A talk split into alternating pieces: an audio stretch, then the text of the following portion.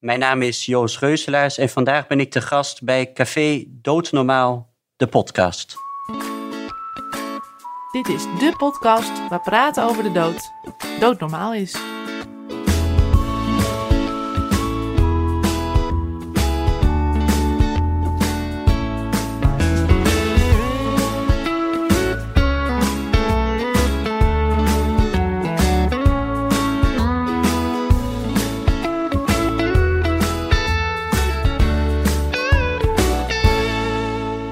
Vanuit de mediastad van Nederland zijn we voor deze opname uitgeweken naar een prachtige studio in het immergezellige Hilversum.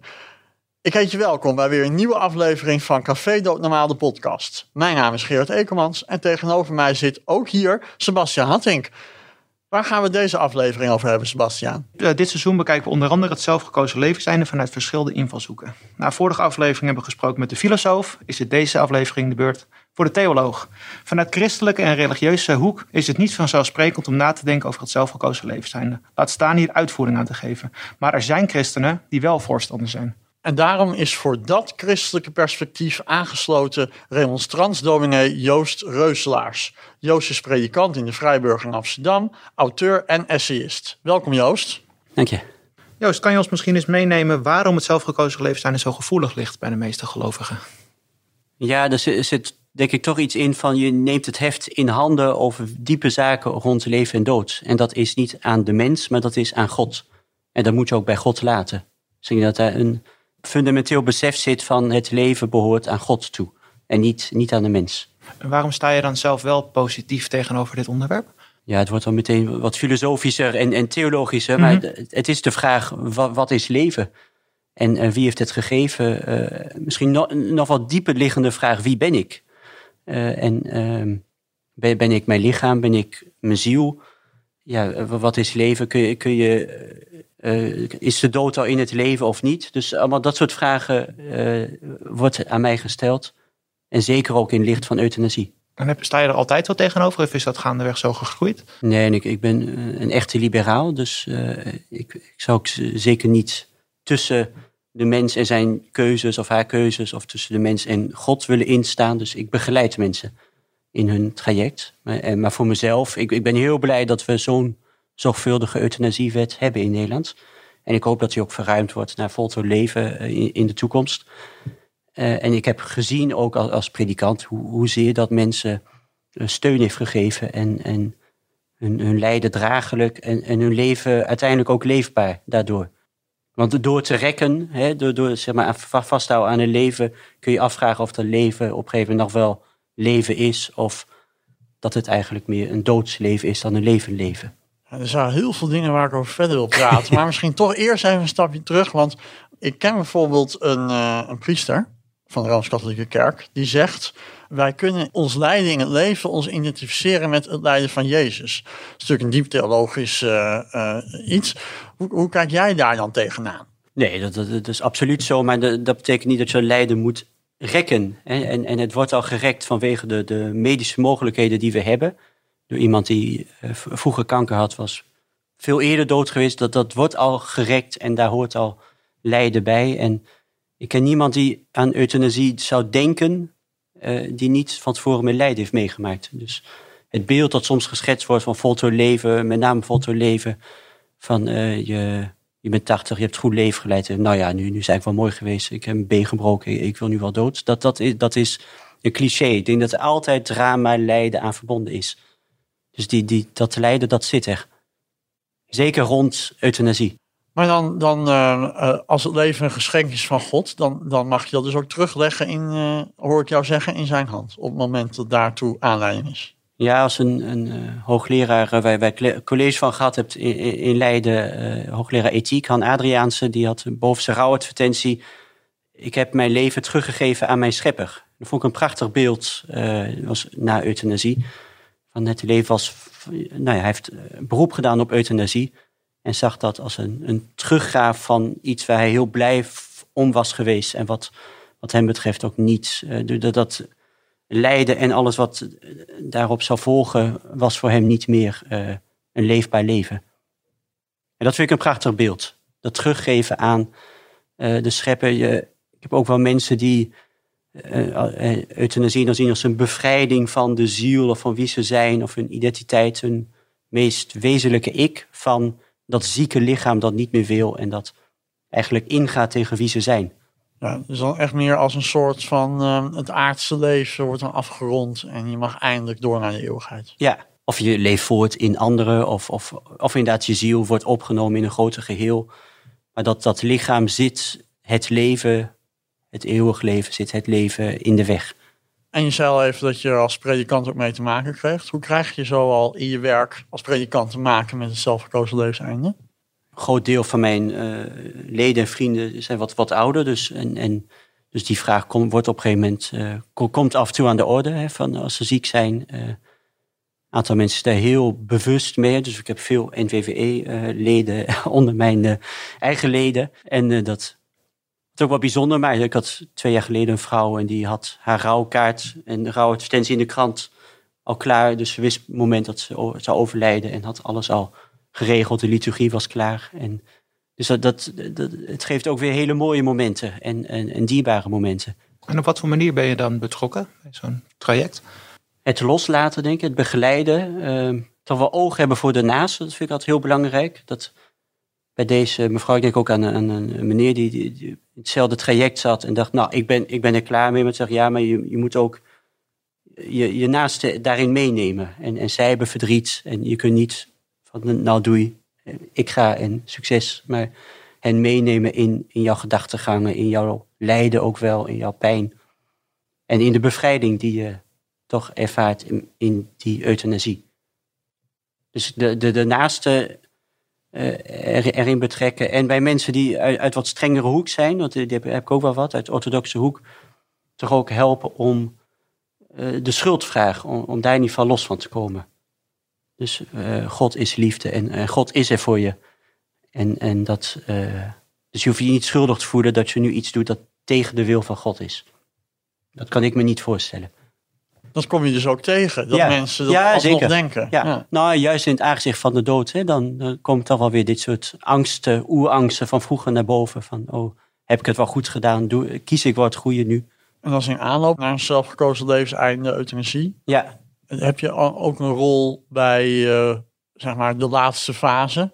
Ja, en we hebben ook uh, twee jaar geleden een tekst gemaakt, een, een, een ritueel rond euthanasie. Dus de, om uh, in de uren voor het einde uh, een dienst met, met de nabestaan erbij en, en de, degene die gaat overlijden.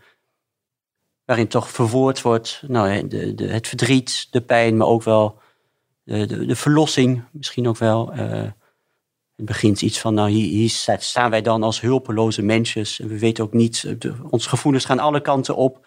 En nou, dat markeren, dat, dat, dat vind ik belangrijk. En uiteindelijk toch de zegen meegeven aan het leven. Dat, dat, nu, dat we nu gaan loslaten. Volgens mij heb ik de liturgie hier naast me liggen. Ons leven vieren. Het, eh, een, een, eh, prachtig boek van de Remonstrantse Kerk. Ja. Met allemaal liturgieën daarin. En daar is inderdaad een, een euthanasie-liturgie, noem ik hem maar even, opgenomen. Dat, ik noemde net al even de Rooms-Katholieke Kerk. Daar worden soms zelfs uitvaarten geweigerd. Ja. Als iemand euthanasie heeft gedaan. Dat is echt uh, dat is het tegenovergestelde. Ja, Waarom hebben jullie dat als Remonstrantse kerk zo gedaan? Je zei er net al iets over. Maar... Ja, nogmaals, omdat, omdat ik vind dat je op dit soort kernmomenten in het leven aanwezig moet zijn. Pastoraal aanwezig, uh, existentieel, spiritueel aanwezig. Op een heel ander vlak. Hè. Ik ben nu bezig met scheidingsritueel. Toen we een huwelijk vieren, nou, dat, dat, dat doen we als kerk. Maar een groot deel van de huwelijken uh, eindigt in de scheiding. Maar daar, daar hebben we geen moment voor, geen ritueel voor. Dus daar ben ik ook bezig om daarin een ritueel voor te ontwikkelen. En dat is eigenlijk ook bij nou, de doop, daar zijn we goed in. Maar het einde van het leven, de laatste sacrament heb je dan bij katholieken. Maar ik vind ook als je, het, als je zelf voor kiest om, om, om, uh, om los te komen van het leven, om, om, uh, als je kiest voor de dood, dan moet de kerk, dan moet je daar woorden aan geven. En hoe valt het onder collega's?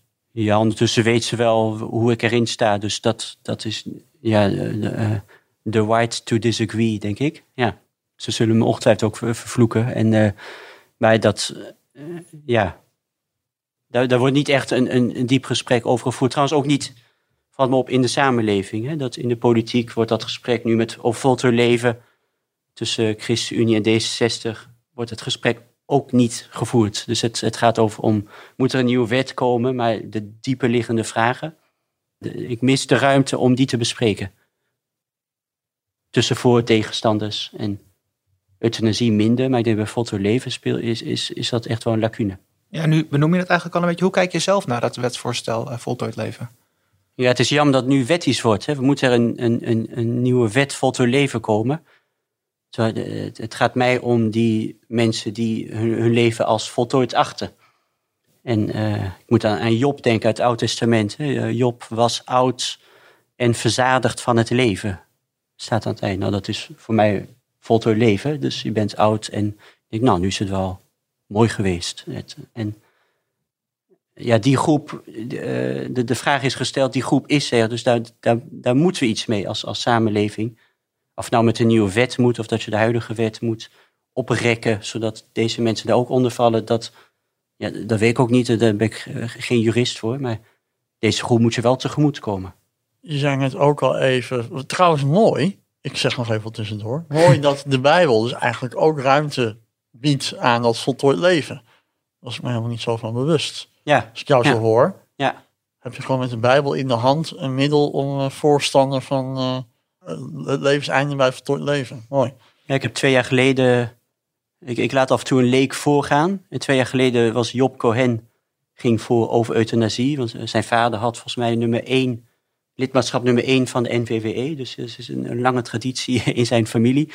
En eh, toen heb ik ook deze tekst gekozen. Job, Job Cohen. Maar Job was oud en verzadigd van het leven. En daar heeft hij toen een eh, overdenking over gehouden. Niet dat hij verzadigd van leven is, maar kan zich wel voorstellen dat dat op een dag gebeurt. En ook daarin denk ik, we, we grijpen al in, in, in, in het leven. Hè, door het te rekken, door, door behandeling. Dus dat is een positieve ingrijp in het leven. En eigenlijk is voltooid leven dat ook. En, en soms gewoon ook stoppen met ingrijpen. Dus Hoe gaan we dat gesprek faciliteren over het voltooid leven in de politiek? ja, dat, het moet gevoerd worden op een existentiële laag. Dus ik zou echt graag willen dat mensen hun ervaringen delen, hun angsten delen. En uiteindelijk hun mensvisie. Want daar gaat het ten om. Hè. Wat, is een, een, wat is leven? Wat is een leefbaar leven? Mozes, een van de mooiste citaten uit de Bijbel. Het leven en de dood bied ik u. Kies dan het leven. Dus hij, hij stelt die keuze tussen leven en dood in het leven. Dus blijkbaar kun je ook kiezen voor de dood in het leven. Of kun je een niet leefbaar leven leiden. Maar, die- maar die keuze is er. Eh, maar die keuze zou ik heel graag ook op een spirituele, existentiële laag met politici willen voeren. En dan moet je de communicatieafdeling die dat vertaalt in scoren en wetten eh, eh, voorlopig niet bij betrekken, maar echt, echt dat diepe gesprek voeren. En dan ben ik van overtuigd, we we kennen allemaal mensen die het leven zat zijn. Of die, die gewoon klaar mee zijn. En ja, die, die groep kun je niet links laten liggen. Ik vind het ook een vorm van barmhartigheid om, om deze mensen hun, hun, hun wens ernstig te nemen. Dus eigenlijk heeft de kerk een actieve rol te vervullen in die discussie. Ja, Als je die laag wil raken, dan heb je ja symbolen, rituelen klopt. nodig. En het open gesprek. Hè? De, en ik denk dat er een groot gemis in de samenleving. De kerk was vroeger een, een open plek waar mensen met elkaar van gedachten wisselden over nou, de diepe vragen in het leven.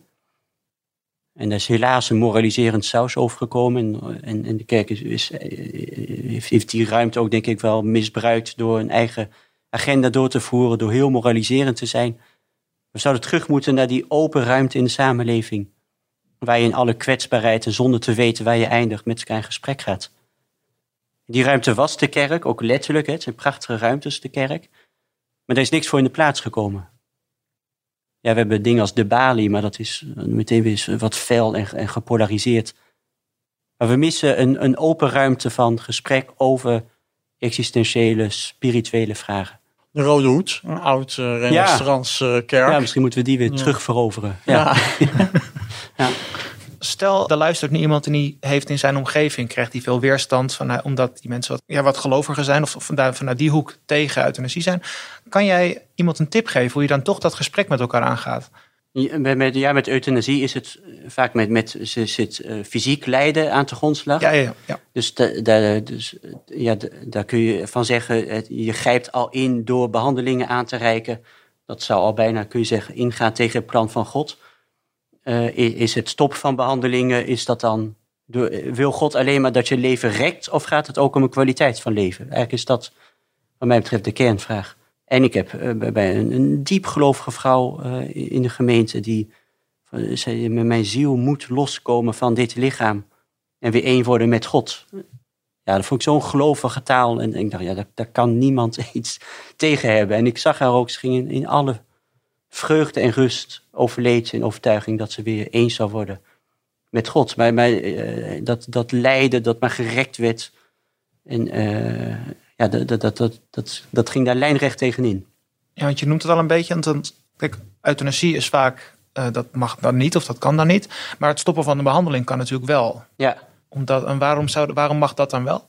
Volgens de streng christenen? Ja, of, ja, volgens de streng christenen, ja. Ja, dat weet ik niet. Ja, daar zou je ook aan, aan, met hen in gesprek moeten gaan, denk ik. Maar ik denk dat er daar toch wel iets is van het, de, het leven is een, nou ja, de kwantiteit of de kwaliteit van leven, denk ik. Maar dat, dat de kwantiteit gerekt moet worden als, als dank aan God. En misschien, wat jij eerder noemde, dat dat lijden ook, misschien wel protestants en katholiek kunnen er ook wat van hoor, maar dat dat lijden bijna verheerlijkt wordt. En, en dat, dat er iets goeds is. En oh, zie haar toch lijden. En nou, daar, daar, daar, daar, daar ben ik veel minder van. Niet dat, dat ik het lijden uit wil bannen, maar op een gegeven moment is dat lijden zo sterk dat, het, dat je aan het leven niet meer toekomt. En, en daar, daar, daar moet je van bevrijd worden. Ja. Het is ook wel een hang, denk ik, aan het leven. Te veel aan, aan het leven, het aardse leven en, en dat maar willen rekken. Zijn mensen dan uh, eigenlijk bang, ondanks dat ze gelovig zijn? Ja, ik denk dat, dat de, de kerk, het geloof niet hoor, maar de kerk ook wel uh, eeuwenlang uh, de angst gevoed heeft. Voor het hiernamaals en voor het leven. En kijk uit, van straks het, het, laatste oordeel. Ja, dus dat, dat, helaas is, denk ik, geloof en angst heel sterk aan elkaar verbonden. Ja. En, en het heeft mensen klein gehouden, het heeft mensen angstig gehouden. Gek eigenlijk, want ik hoorde laatst iemand zeggen... de enige reden dat je gelooft is omdat je bang bent voor de dood. Ja. Maar het tegenovergestelde is eigenlijk het geval. Ja, ik denk wel dat in het aangezicht van de dood ga je de diepere vragen stellen. Ik denk wel mensen, ik ken ook heel wat mensen die aan het eind van leven en ook een euthanasie toe zich toch zijn gaan afvragen, ja, waar, waar heb ik dit voor gedaan? En is er een grotere dimensie aan het leven? Is er iets transcendents, iets groter dan ik? Waar ga ik naartoe? Is dit het einde? Ik denk wel dat de dood dit soort vragen stelt. En paar weken geleden een uitvaart geleid uh, van, een vrouw die re redelijk jong overleden is. Ik zag dat haar kinderen ook voor het eerst met de dood ge geconfronteerd werden, maar daardoor ook met vragen die ze zich daarvoor nooit gesteld hadden. Dus de dood is ook wel een kans, denk ik, of kans is, maar, maar een gelegenheid om diepere vragen te stellen. Ja, eigenlijk zonder dat we daarmee wachten tot het uh, zo direct in ons eigen leven voorkomt. ja, dat klopt. Want ja. als NVVE roepen natuurlijk op om het vooral daarvoor al uh, erover na te denken. Ja, nou ook omdat het de, de, de onderliggende vragen zijn uh, over leven en dood. Dus het, het gaat niet alleen maar om de dood, maar ook van hoe wil je in het aangezicht van de dood, in het besef van de dood, omgaan met het leven. Dus daar kun je niet vroeg genoeg mee beginnen. En hoe vaak hoor je ook van uh, mensen op sterfbed van nou had ik toen maar andere keuzes gemaakt. Hè? Was ik maar meer bij mijn vrienden, bij mijn familie geweest, had ik maar meer aan die aspect van het leven aandacht besteed. Ja. Het is jammer als dat pas op je sterfbed, dat je dat dan pas beseft. En is de, de kerk de ideale plek om met dat soort vragen te beginnen? Ja, ik denk wel, ja. Nou, corona was wat dat betreft ook een, een voor veel mensen wel een positief is, is, is, is misschien slecht gesteld, maar wel een moment om dit soort vragen te stellen. Dus het heeft wel een halt geroepen aan het altijd maar voortgaan en alles wat maar kan. Dus je werd ja, teruggeworpen op jezelf. We hadden het al even over de, het wetsvoorstel voltooid leven. Uh, als er nou iets is in de huidige euthanasiepraktijk wat je zou mogen aanpassen, veranderen, bijvoorbeeld in wetgeving, wat zou, wat zou dat dan zijn? Aan de huidige euthanasiewet? Ja, of, of praktijk. praktijk. Ja. praktijk. Ja, we hebben volgens mij de me meest zorgvuldige euthanasiewet in de wereld. mensen komen overal vandaan, nemen ons als voorbeeld. Dus dat is echt iets om buitengewoon trots op te zijn en te koesteren. daarom ben ik ook niet voor een voltooid leven wet. Want dan, dan heb je opeens twee wetten naast elkaar. En het, is maar, eh, het roept allerlei vragen op. Dus ik zou, wat ik eraan zou willen veranderen is mensen die niet lichamelijk lijden. Dus die gewoon een existentiële behoefte hebben om te sterven. Dat die ook gebruik kunnen maken van de euthanasiewet. Ik weet hoe dat juridisch en medisch moet. Dat, uh, het, het kan ongetwijfeld, maar die groep, die, die, die duizenden mensen die, die, die existentiële leegte ervaren en daardoor een wens om te sterven, dat, die, dat je aan die wens tegemoet komt. En hoe zou je dan, en dan vraag ik toch even door, uh, hoe zou je dat dan kunnen toetsen? Want bij lichamelijk en geestelijk lijden, ja. waar nu euthanasie mogelijk is, dat is te toetsen door een arts. Maar als dat niet van toepassing is, hoe toets je het dan? Ja. Of hoe zou Ja, je het dan voor je zien? De vraag is wie het eh, toetst. Mhm. Maar aan de andere kant denk ik dat als iemand echt eh, wil overlijden, en het, en het is een, een, een lang, langdurigere wens, hè, dus niet dat het, het regent vandaag, ik wil door, maar dat je echt gewoon eh, al langer die wens hebt.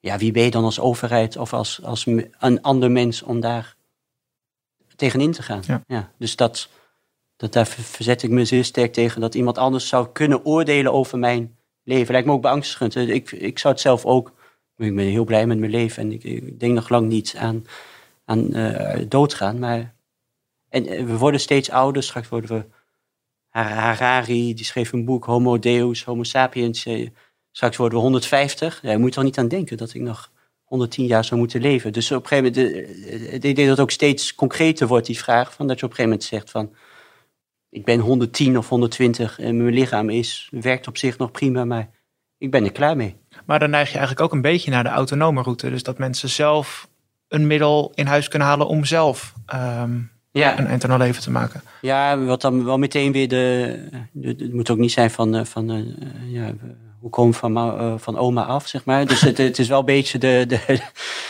het roept wel heel veel vragen op. Ja. En, en dat je in een, in een zwaarmoedige bui eh, dat middel. Dus het moet wel heel goed begeleid worden. Ja, wie dat is, of de huisarts, of ja, predikant, of wie dan ook. Maar eh, ik denk wel dat het heel zorgvuldig begeleid moet worden. En waar we het eerder over hadden met rituelen. En dat je ook wel echt wel beseft dat dat, dat afscheid nemen begeleidt. Ja, wie dat zou moeten, dat, dat, daar, daar moeten we over met elkaar in Ja. gesprek. Maar, maar dat het zou moeten kunnen, dat, door die vraag is nu een paar jaar geleden, ge- eh, dankzij Pia Dijks onder andere, gesteld. En daar kunnen we niet meer onderuit. Dus daar, moet, daar moeten we iets mee. Heldere oproep. We zijn benieuwd hoe het verder gaat. Maar voor nu wil ik je heel graag bedanken voor je komst naar onze studio hier in Hilversum. Eenmalig. En ehm, eh, nou, graag tot de volgende keer. Ja, en succes. En geweldig ook dat jullie dit doen. En nou juist die vragen aan de orde stellen, niet alleen bij ouderen, maar bij de jonge generatie. Want je kunt niet vroeg genoeg beginnen om na te denken over leven en dood. Dus heel goed. Dankjewel. Dit was het weer voor deze aflevering van Café Doodnormaal, de podcast. Volgende week zaterdag staat er weer een nieuwe aflevering voor je klaar in je favoriete podcast app. Voor nu bedankt voor het luisteren en wil je nou geen aflevering missen, vergeet je dan niet te abonneren. Dan krijg je automatisch een melding als er een nieuwe aflevering voor je klaar staat. Vond je nou interessant om deze podcast te luisteren? Laat dan vooral een beoordeling achter. En mocht je nog vragen hebben naar aanleiding van deze podcast, dan kun je altijd mailen naar jongeren.nvve.nl. Als laatste willen we nog de NVVE bedanken voor het mede mogelijk maken van deze podcast. En, zoals ik al zei, we zenden vandaag uit vanuit Hilversum en daarom willen we ook graag de gastheer Brainbox bedanken. En voor nu zeg ik graag tot de volgende aflevering.